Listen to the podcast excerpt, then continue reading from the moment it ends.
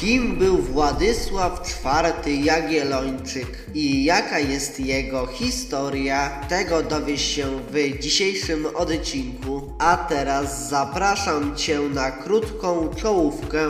No witam Cię z tej strony Michalos i zapraszam Cię na kolejny odcinek podcastu pod tytułem Niepodległa Historia, w którym specjalnie dla Ciebie omawiam historię Polski i świata bez cenzury i bez zakłamywania i naginania faktów.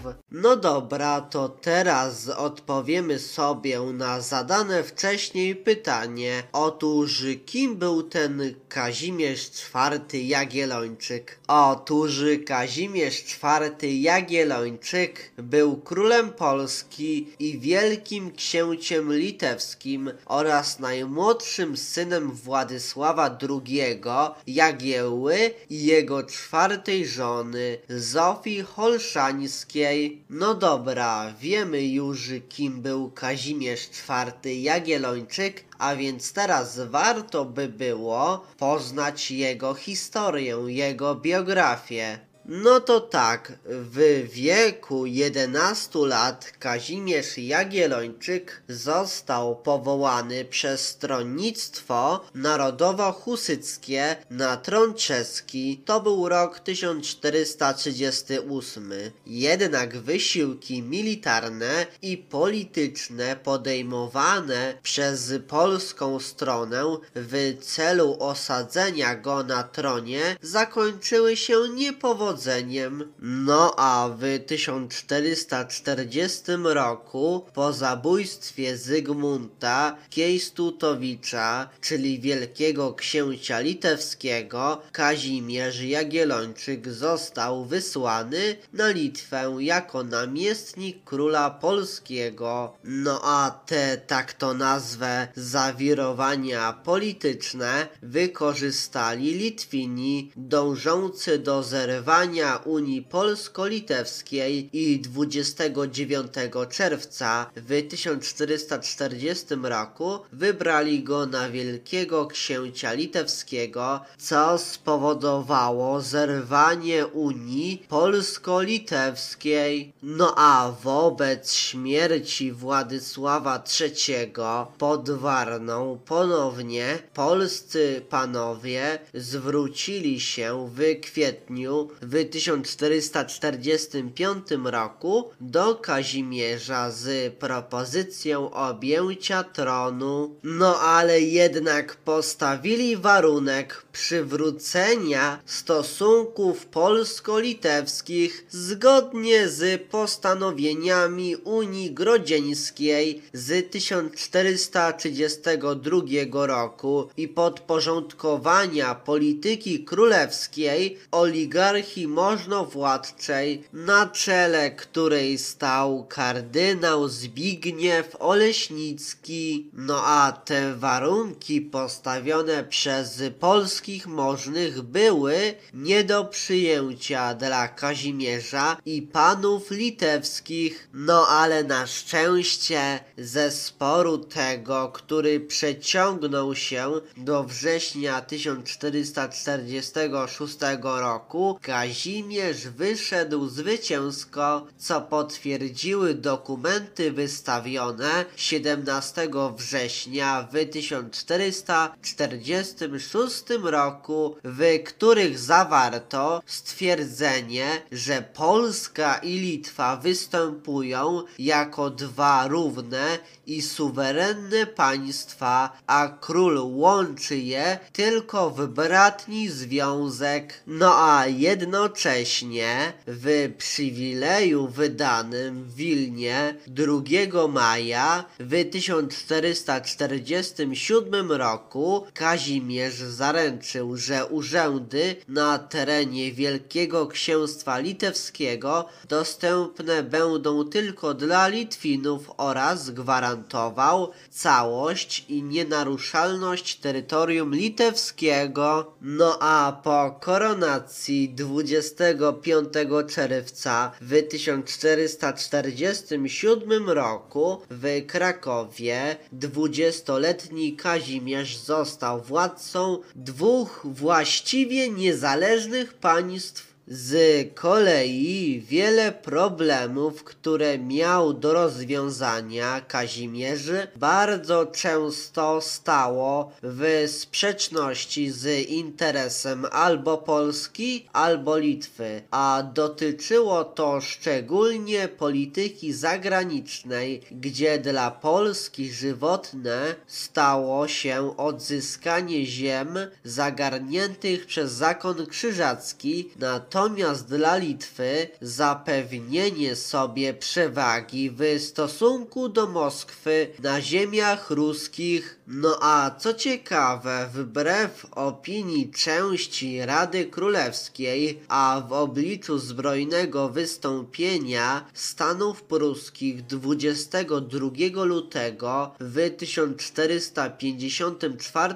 roku Kazimierz wydał wojnę zakonowi, a 6 marca inkorporował ziemie zakonne do Polski i zrównał ich mieszkańców wyprawach z Polakami. No a wojna, która trwała 13 lat, była prowadzona nieudolnie i wobec olbrzymich trudności finansowych tylko dzięki uporowi króla została doprowadzona do zwycięskiego dla Polski końca, no a do przełomowych jej momentów należała klęska pospolitego ruszenia 18 września w 1454 roku pod Chojnicami i wykupienie w 1457 roku Malborka z rąk najemników krzyżackich oraz zwycięska bitwa 17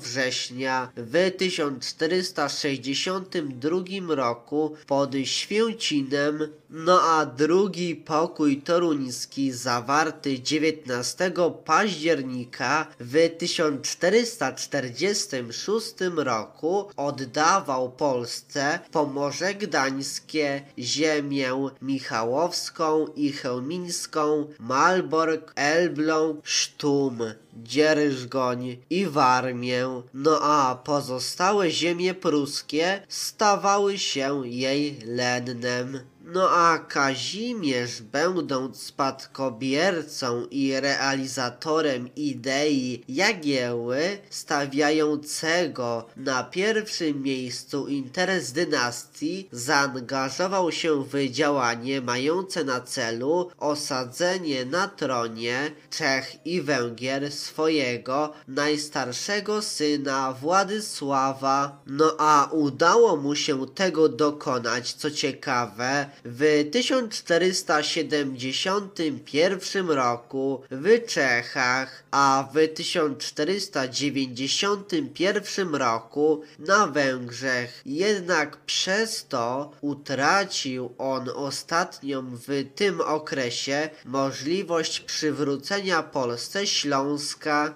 No a zaangażowanie się w politykę na zachodzie przyniosło także negatywne skutki dla państw Unii na wschodzie, czyli chodzi tutaj o Litwę, gdzie hegemonię uzyskała Moskwa i południu, gdzie utracono protektorat nad Kafą i wpływy w Mołdawii. No a w polityce wewnętrznej bardzo umiejętnie potrafił, co ciekawe, Kazimierz IV Jagiellończyk zneutralizować zapędy oligarchii możnowładczej, nie wahając się nawet wejść w konflikt z samym kardynałem Zbigniewem Oleśnickim, no bo Kazimierz był tym władcą, który wprowadził na szczyty władzy przedstawicieli elit wielkopolskich i umożliwił przywilejem mieszawskim z 1454 roku awans polityczny szerokim rzeszom szlachty, oddając w ich ręce decyzje dotyczące zwoływania pospolitego ruszenia i wyrażania zgody na wydawanie nowych praw i pobór dodatkowych podatków. No a za jego panowania doszło do wykształcenia się parlamentaryzmu szlacheckiego. No bo tak, pierwszy Sejm, na który zjawili się wybrani na sejmikach przedstawiciele szlachty, odbył się w 1468 roku, no ale z drugiej strony Kazimierz nie potrafił wykorzystać miast i jego mieszczaństwa jako potencjalnego sojusznika monarchii wobec szlachty, no a a za jego czasów, co ciekawe, doszło do dyskryminacji mieszczan poprzez poddanie ich sądom szlacheckim, no a miasta zostały też pozbawione autonomii w sferze podatkowej. No a świadczy to o tym, że Jagiellończyk stanął po stronie szlachty kosztem miast no a szereg podejmowanych przez niego działań prowadziło do zwiększania się centralizmu państwa. A co do centralizmu, otóż Kazimierz IV Jagiellończyk wygrał walkę o prawo nawet do mianowania biskupów, przeprowadził reformy skarbowe i podjął działania na rzecz wprowadzenia stałego wojska, doceniał nawet posiadanie własnej floty morskiej i wykorzystywał działalność kaprów gdańskich jako floty wojennej. A co ciekawe jest to, że Kazimierz był protektorem ludzi, nauki i sztuki, no bo bardzo dbał o wykształcenie synów, mimo że według tradycji sam nie umiał czytać ani pisać. No a za jego czasów, co ciekawe, w Polsce pojawiły się pierwsze elementy renesansu i humanizmu. Kazimierz IV Jagiellończyk zmarł w Grodnie i pochowany został w Krakowie na Wawelu, gdzie wystawiono mu zaczęty już za życia marmurowy grobowiec dłuta wita stwosza, którego głównym elementem kompozycyjnym jest postać władcy z realistycznie przedstawionym obliczem Teraz pewnie mi zadacie pytanie takie, no a czy Kazimierz IV Jagiellończyk miał żonę? Miał jakieś dzieci? No miał, już wam mówię jak wyglądało jego życie prywatne. Otóż żonaty był od 1454 roku z Elżbietą Rakuszanką, córką Albrechta II Habsburga, króla Niemiec, Czech i Węgier. Miał z nią sześciu synów Władysława II, Kazimierza, Jana I, Olbrachta, Aleksandra, Zygmunta I Starego i Fryderyka i siedem córek Jadwigę, Zofię, Elżbietę, kolejną Elżbietę, Annę, Barbarę, no i ponownie już trzeci raz Elżbietę. No i tak właśnie wyglądało jego życie prywatne, jeśli chodzi o związki i relacje rodzinne. No dobra, opowiedziałem wam jak wyglądało życie prywatne Władysława IV Jagiellończyka, a więc teraz moim zdaniem dodatkowo by było warto poznać charakterystykę tego króla. Otóż Maciej z Miechowa przekazał następującą charakterystykę króla. Otóż była to postać wyniosła, twarzy podłużnej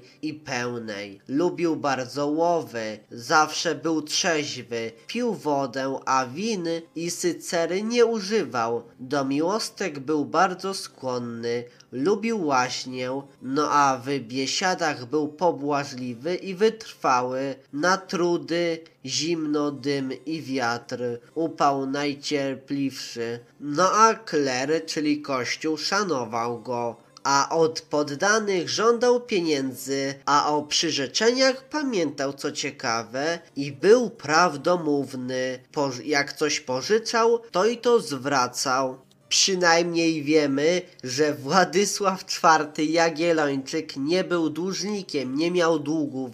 No dobra, opowiedziałem wam, opowiedziałem tobie wszystkie ważne i wszystkie ciekawe informacje związane z Kazimierzem Jagiellończykiem, a więc teraz zapraszam Niestety, cię do ten zobaczenia odcinek drugiej, dobiega już do końca końca, tego więc podcastu. chciałbym Tobie Zapraszam. podziękować za to, że poświęciłeś lub za to, że poświęciłaś swój cenny czas na posłuchanie tego odcinka podcastu Niepodległa Historia. A jeśli spodobał Ci się ten odcinek, to koniecznie podziel się nim z innymi, udostępniając go dalej, na przykład za pomocą Messengera, po prostu wysyłając link swoim znajomym do tego odcinka, czy po prostu za pomocą Twittera, czy po prostu za pomocą Instagrama, czy innego